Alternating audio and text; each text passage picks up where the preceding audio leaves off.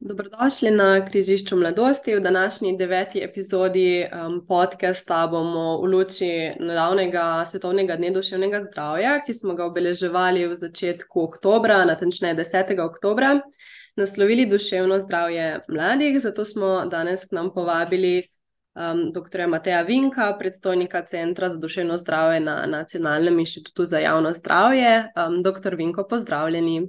Pozdravljeni. Mogoče čisto za začetek, um, bi nam lahko risali trenutno stanje na področju duševnega zdravja med mladimi v Sloveniji. Um, imamo kakšne statistike, um, ki izstopajo, kakšne nedavne podatke? Ja, uh, ravno ne tako zelo dolgo nazaj je bila objavljena uh, raziskava oziroma poročilo o raziskavi za zdravje in povezan vedenski slog v šolskem obdobju. Uh, to je ena raziskava, ki jo Nacionalni inštitut za javno zdravje izvaja od leta 2002, se pravi, imamo približno 20 let uh, podatkov.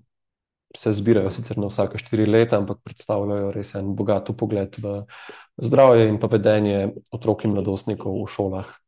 Um, zdaj ti podatki nam govorijo, da uh, če umestimo Slovenijo v širši evropski kontekst, um, bistveno ne izstopamo na nobenem področju. Um, nekoliko slabše ocenjujejo mladostniki v Sloveniji svoje uh, duševno zdravje oziroma duševno blagostanje, če jih primerjamo z drugimi državami, po drugi strani. Smo pa tudi med državami, kjer mladostniki najredkeje, oziroma v najmanjšem deležu, poročajo o pojavljanju različnih psihosomatskih težav. Um, tako da ta slika je uh, tako malce uh, pisana na določenih področjih, se najdemo v sredini, nekje izstopamo v pozitivni, nekje v negativni smeri, če lahko tako rečem. Ampak generalno gledano, pa uh, v zadnjih desetih letih približno upozujemo v vseh državah, ki so vključene v to mednarodno raziskavo, porast deleža mladostnikov in otrok, ki poročajo o stiskah, različnih stiskah, in blage upade v deležu otrok, ki um, ocenjujejo svoje zdravje kot odlično, uh, ali pa da so zelo zadovoljni s svojim življenjem. Se pravi, bi rekel, da smo v Sloveniji del tudi nekih širših globalnih trendov, ki veljajo predvsem, seveda, za, za naš evropski prostor. Omenili ste um, nekako porast teh duševnih stisk, katere pa so najpogostejše od um, duševnih stisk, s katerimi se mladi soočajo, in mogoče poznamo tudi um, dejavnike, ki k temu prispevajo. Ja, um, v bistvu se tudi stiske zelo razlikujejo, glede na to, um, katero starostno skupino, pa v katero starost usmerimo pogled. Ne? Ampak v glavnem, um, večina stisk je povezanih s samo podobo odnosi. Um, pogosto govorimo o različnih uh, čustvenih, razpoloženjskih težavah, uh, tesnobi. Um, nek, seveda, v pomembno manjšem deležu so prisotne tudi motnje hranjenja, samo poškodbeno vedenje, ampak um, velika večina stisk, um, ki jih zaznavamo, so stiske, ki so uh, tako rekoč del odraščanja, so nekaj normalnega. Uh, in zelo pomemben delež, seveda, teh, ki jih zajamemo v raziskavah, kot posamezniki, ki poročajo o povišenem uh, doživljanju ali povečanem doživljanju teh stisk, je seveda tudi teh mladostnikov, um, ki te stiske doživljajo in jih tudi relativno uspešno obvladujejo, in je to nek um, normalen proces odraščanja. Ne. Pomembno je izpostaviti, da v zadnjih letih zelo veliko govorimo o porastu stisk, eh, da, da zaznamo tudi vedno več potreb, eh, recimo v sistemu zdravstvenega varstva in tako naprej. In tukaj se je treba zavedati, da del tega porasta zagotovo eh, prispeva tudi večja ozaveščenost, oziroma vsi napori, ki jih različni deležniki vlagajo, vlagamo v to, da se o duševnem zdravju in prepoznavanju in naslavljanju duševnih stisk govori več. Um, to po eni strani prenese tudi to, da se o njih več samo poroča, da tudi poiščemo uh, pomoč hitreje ali pa uh, pogosteje. Uh, tako da na nek način, um, ko gledamo te podatke, ugotavljamo, da zagotovo je prisoten določen porast v stiskah, ki je, je, kot sem že na začetku omenil, prisoten tudi v drugih državah, uh, pa vendar ta porast, vsaj deloma, uh, tako ocenjujemo, odraža večjo ozaveščenost o stiskah. Kaj pa pri teh um, posameznikih, mladih posameznikih, ki stisk uh, ne morejo predelati sami, ki so mogoče malo dlje od teh normalnih najstniških stisk, ki smo jih verjetno vsi doživljali? Menite, da imajo um, omogočen uh, dober dostop do zdravstvenih storitev, se mogoče srečujejo s kakšnimi izzivi ali vidite, da imajo kje kakšne težave, da mogoče kje pa ne pridejo do te podpore, ki bi jo potrebovali? Ja, uh, morda je celo um, vprašanje, ali so zdravstvene storitve tiste, ki bi prve bile, oziroma ki bi prve sploh prišle v stik s takim mladostnikom, ne otrokom. Um, če tudi so te stiske normalne, ne, tako kot uh, sem omenil, uh, vedno pomaga, je koristno, uh, da o njih spregovoriš tudi za drugo osebo.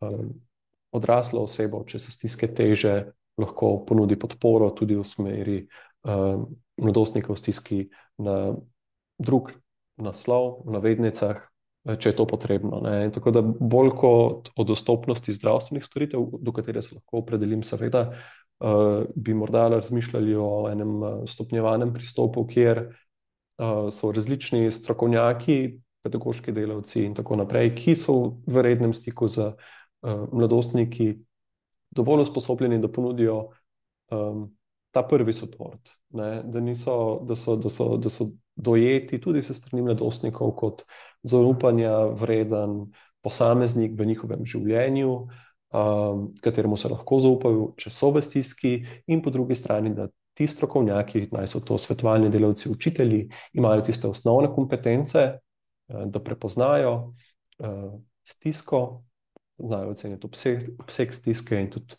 pomagati pri razreševanju teh stisk. Določen delež otrok in mladostnikov potrebuje tudi strokovno, zdravstveno pomoč, uh, storitve psihologov, kliničnih psihologov oziroma zdravnikov. Uh, in za te se je v zadnjih letih dostopnost storitev izboljšala. V Sloveniji smo začeli vzpostavljati mrežo centrov za duševno zdravje otrok in mladostnikov, ki je pomemben korak v smeri večanja dostopnosti. Še vedno pa smo seveda daleč od tega, da bi vsi, ki te storitve iščejo in jih potrebujejo, imeli dovolj hiter dostop. Ne. Tukaj lahko slišimo in slišali smo tudi v preteklih letih, specifično recimo med pandemijo COVID-a in pa takoj po njej, o stiskah eh, v zdravstvu, kjer s težavami ali pa ne zmorejo obvladovati eh, povečanega obsega dela. Um, tako da je, je ta mreža zagotovo potrebna bistvenih nadgraden, ampak nadgraden oziroma sprememb je potreben cel sistem, v končni fazi samo za zdravstvom, oziroma za strokovnjaki, ki um, prepoznavajo, diagnosticirajo in zdravijo posameznike z duševnimi motnjami, ne bomo um, rešili ali pa ustrezno naslovili tega bolj splošnega vprašanja duševnega zdravja, ki zaveda zajema tudi preprečevanje duševnih stisk in pa krepitev duševnega zdravja teh pozitivne plati duševnega zdravja, ne, psihološke prožnosti in tako naprej, ki je, ki je ključen varovalni dejavno, dejavnik. Ne. Pa imate mogoče načrtovane tudi kakšne ukrepe za prihodnost, ki so ključni pri razreševanju tega problema? Zagotovo, ja. V, v Sloveniji imamo od leta 2018 um, nacionalni program duševnega zdravja do leta 2028 poteka ta uh, program oziroma strateški dokument, ki usmerja aktivnosti različnih partnerjev, izvajalcev, tudi uporabnikov in svojcev uh, na področja, med katerimi je posebej izpostavljeno področje duševnega zdravja otrok in mladostnikov. Um, že do sedaj, pa tudi v prihodnje, uh, se namenja veliko pozornosti uh, razvijanju in spodbujanju širitve že razvitih programov, preventivne promocije. Govorimo o programih kot so To sem jaz, Cool Kids, Neverjetna leta. Ne. Govorimo o programih preprečevanja medvrstniškega nasilja. Se pravi, to so vse aktivnosti, ki se umeščajo nekako uh, v obdobje uh, otroštva, mladostništva, bodi si neposredno v šolski prostor ali pa delujejo um, izven njega, pa vendar so namenjeni tej starostni skupini. Po drugi strani um, krepimo oziroma usmerjamo napore tudi v ureditev mreže služb, kot sem omenil, centri za duševno zdravje otrok in mladostnikov. Um, So, so ena taka oblika služb, ki se vzpostavlja, po drugi strani pa, pa je v načrtu tudi sistemsko ureditev, recimo, svetovalnih centrov za otroke, mladostnike in starše, um, dostopnosti različnih um, strokovnjakov za intervencije na terenu v obliki, recimo, temu, um, kriznih timov, in tako naprej. Uh, torej, uh, ja, področje uh, je zagotovo uh, deležno veliko pozornosti, in uh, v prihajajočih letih bo dober del aktivnosti namenjen temu, da se uh, te programi in pa različne službe dogradijo, izgradijo in dopolnijo tudi. Omenili ste te programe, to sem jaz, Cool Kids. Eh, če se ne motim, so to v bistvu namenjeni tako zaveščanju, kot tudi neki preventivi. Um, pa so mogoče, če bi lahko na kratko malo bolj predstavili te programe, ki so direktno namenjeni mladim, pa če mogoče, mogoče poznate tudi kakšno prakso ali pa primer um, drugih organizacij, eh, torej ne samo NJZ-ja, ki tudi delajo na tem področju in so se izkazali kot dobri. Ja, um, ti programi, ki sem jih naštel, uh, v bistvu delujejo po principu, uh, po različnih principih, niso si vsi enaki.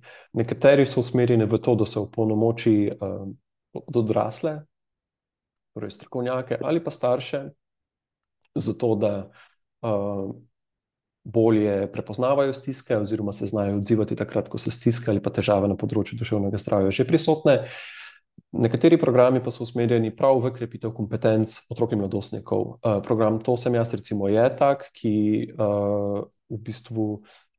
Program To sem jaz je, ima dva sklopa, v bistvu dva stebra. En so preventivne delavnice ali delavnice promocije zdravja v šolah, kjer uh, se v desetih različnih sklopih krepijo socialne in čustvene kompetence otrok in mladostnikov.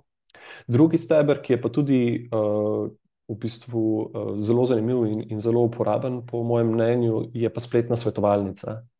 Um, in to je spletišče, to sem jaz, pika net, uh, do katerega lahko mladostniki dostopajo in anonimno podajo svoje vprašanja, na katera odgovarjajo um, prostovoljci, strokovnjaki na forumu. Um, Od ne tako dolgo nazaj pa je na voljo tudi čat, se pravi, v, v pogovor s strokovnjakom strokovnjakom v živo.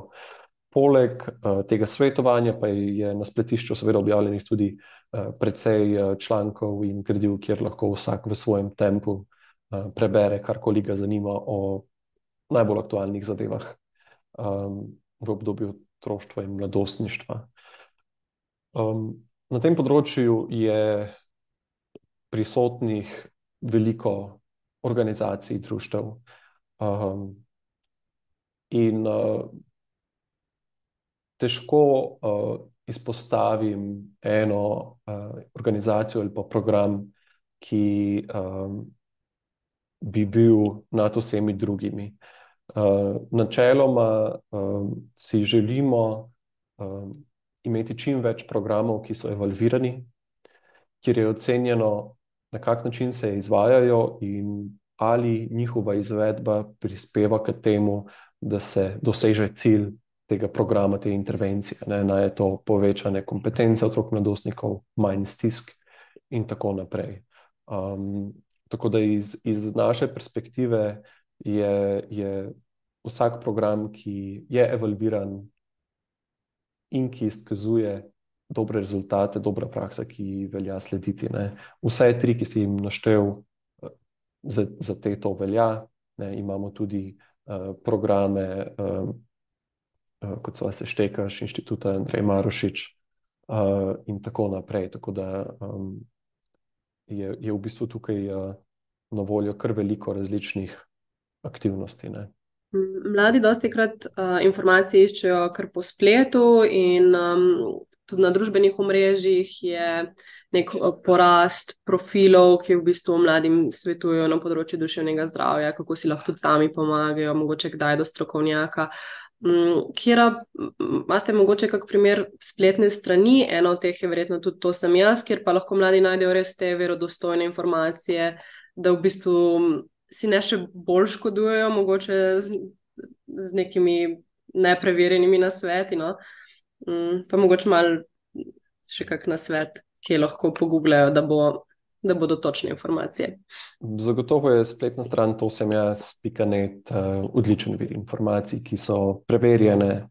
Uh, ta spletna stran deluje že več kot 20 let. Ne? Ko so oni začeli z svojim spletiščem, so bili računalniki, še ne, ogromne škatle, uh, ki, ki jih nisi mogel kar tako prenašati naokoli, in imajo res dolgoletne izkušnje, um, tudi veliko količino vsebin, in kot sem že omenil, tudi svetovalnico, ne, kjer lahko pač anonimno vprašaš, uh, karkoli te zanima, in tudi dobiš uh, zelo dober nasvet, uh, kako lahko rešiš uh, stisko, ki te tare.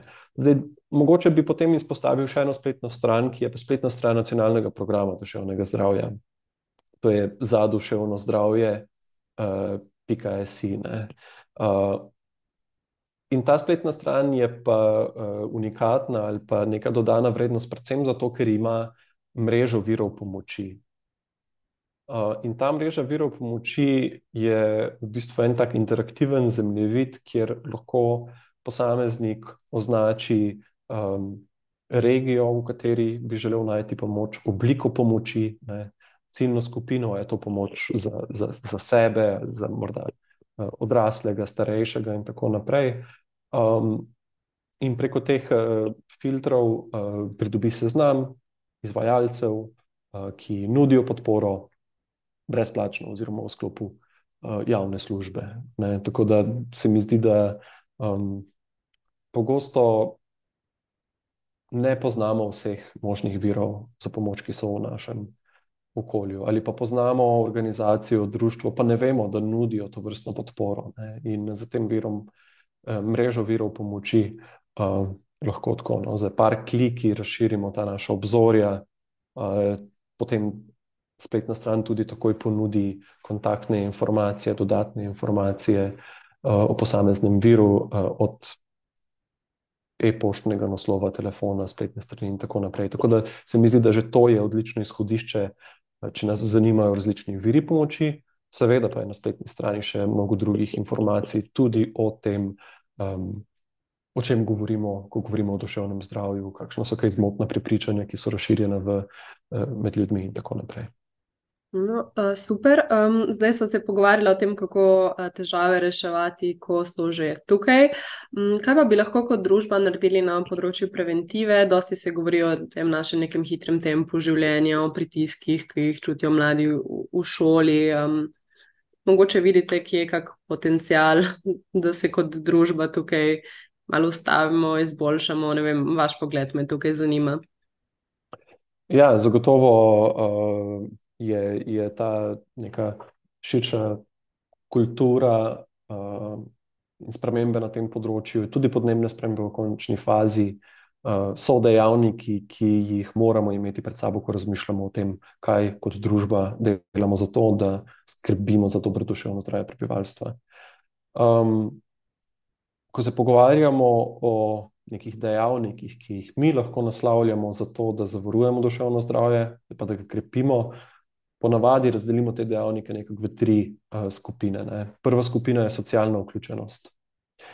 In uh, to je ključen dejavnik. To pomeni, da lahko razmišljamo v smeri tega, da skrbimo, da smo ljudje med sabo povezani, um, da se vključujemo v neke aktivnosti, ki niso zgolj službene ali šolske, ampak preživljamo čas v družbi, v skupnosti, uh, ob prostočasnih aktivnostih, kulturnih, uh, gasilskih društvih, kakršnih koli drugih oblikah združevanja, športnih dogodkih. To je pomemben um, dejavnik, ki veliko prispeva k, k krepitvi duševnega zdravja, tudi je varovalni dejavnik um, za, za pred pojavom različnih duševnih uh, motenj. Drug sklop je varnost ali pa pred oziroma odsotnost diskriminacije in nasilja. Uh, tudi tukaj imamo v bistvu kar velik izziv, ker je polje, ki se neprestano spreminja, um, stališča družbe, pristopi, ki jih uporabljamo na teh področjih, se spreminjajo skozi čas. Ampak vendarle, kakorkoli obrnemo, uh, če usmerimo napore v to, da zmanjšamo izpostavljenost vseh oblik nasilja, prispevamo k duševnemu zdravju. Ne? Um, če preprečujemo stigmo, diskriminacijo in tako naprej, prispevamo k krepitvi duševnega zdravja. Torej, to je drug pomemben uh, sklop, kjer prav tako lahko delujemo uh, preventivno. Tretji je pa uh, dostop do osnovnih dobrin. In ta je pa najbolj tak splošen družbeni. In tukaj govorimo do tega, da uh, moramo poskrbeti, da ima vsak posameznik dostop do izobrazbe, da ima možnost opraviti, dokončati izobraževanje, kadarkoli življenju, ne samo v času, ko smo šolo obvezni, ampak tudi pozneje eh, bi veljalo pač stremeti k temu, da ima vsak posameznik možnost se dodatno izobraziti ali pa dokončati izobrazbo, ki je morda v, v mlajših letih ni dokončal. Da imamo dostop do uh, bivališča, varnega bivališča, uh, in da imamo dostop do dela. To se povezuje z finančno varnostjo, ampak tudi uh, že samo vključevanje v delo, prispevanje uh, k družbi, z tem, da upravljamo neko delo, je pomemben, uh, pomembna dobrina, ne, ki, ki, ki prav tako je en izmed uh, ključnih dejavnikov za varovanje in krepitev zdravja.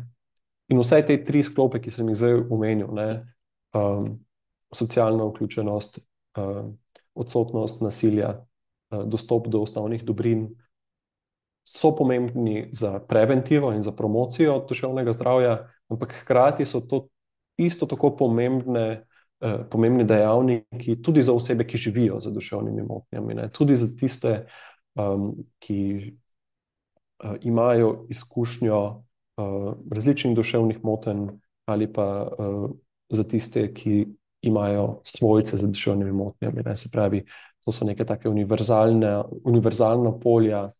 Eh, ki, ki imajo multiplikativne no, um, učinke za naše zdravje, naše blagostanje. Hvala. Počasi se bližava koncu najnega pogovora in me zanima, če bi poslušalcem mogoče sporočili še kaj, mogoče še kak na svet, usmeritev, zaključno misel. Ja, uh, kaj bi bila zaključna misel? Morda to, da so stiske uh, del našega življenja. Um, kako pravijo, če bi bile vse ceste ravne, se ne bi naučili, naučili voziti. Uh, pa vendar, uh, ni treba, da stiske preživljamo sami. Uh, ko smo v stiski, uh, je dobro, da se o tem pogovorimo z nekom, ki mu zaupamo, uh, in potem so tudi te stiske lažje, um, čeprav so pogosto neizogibne. Ne? Um, Tako da, evo, to bi bila moja zaključna misel. Najlepša hvala za te spodbudne zaključne misli in um, da ste si danes vzeli čas in bili, danes, a, in bili z nami na križišču mladosti. Tako da, doktor Vinko, najlepša hvala.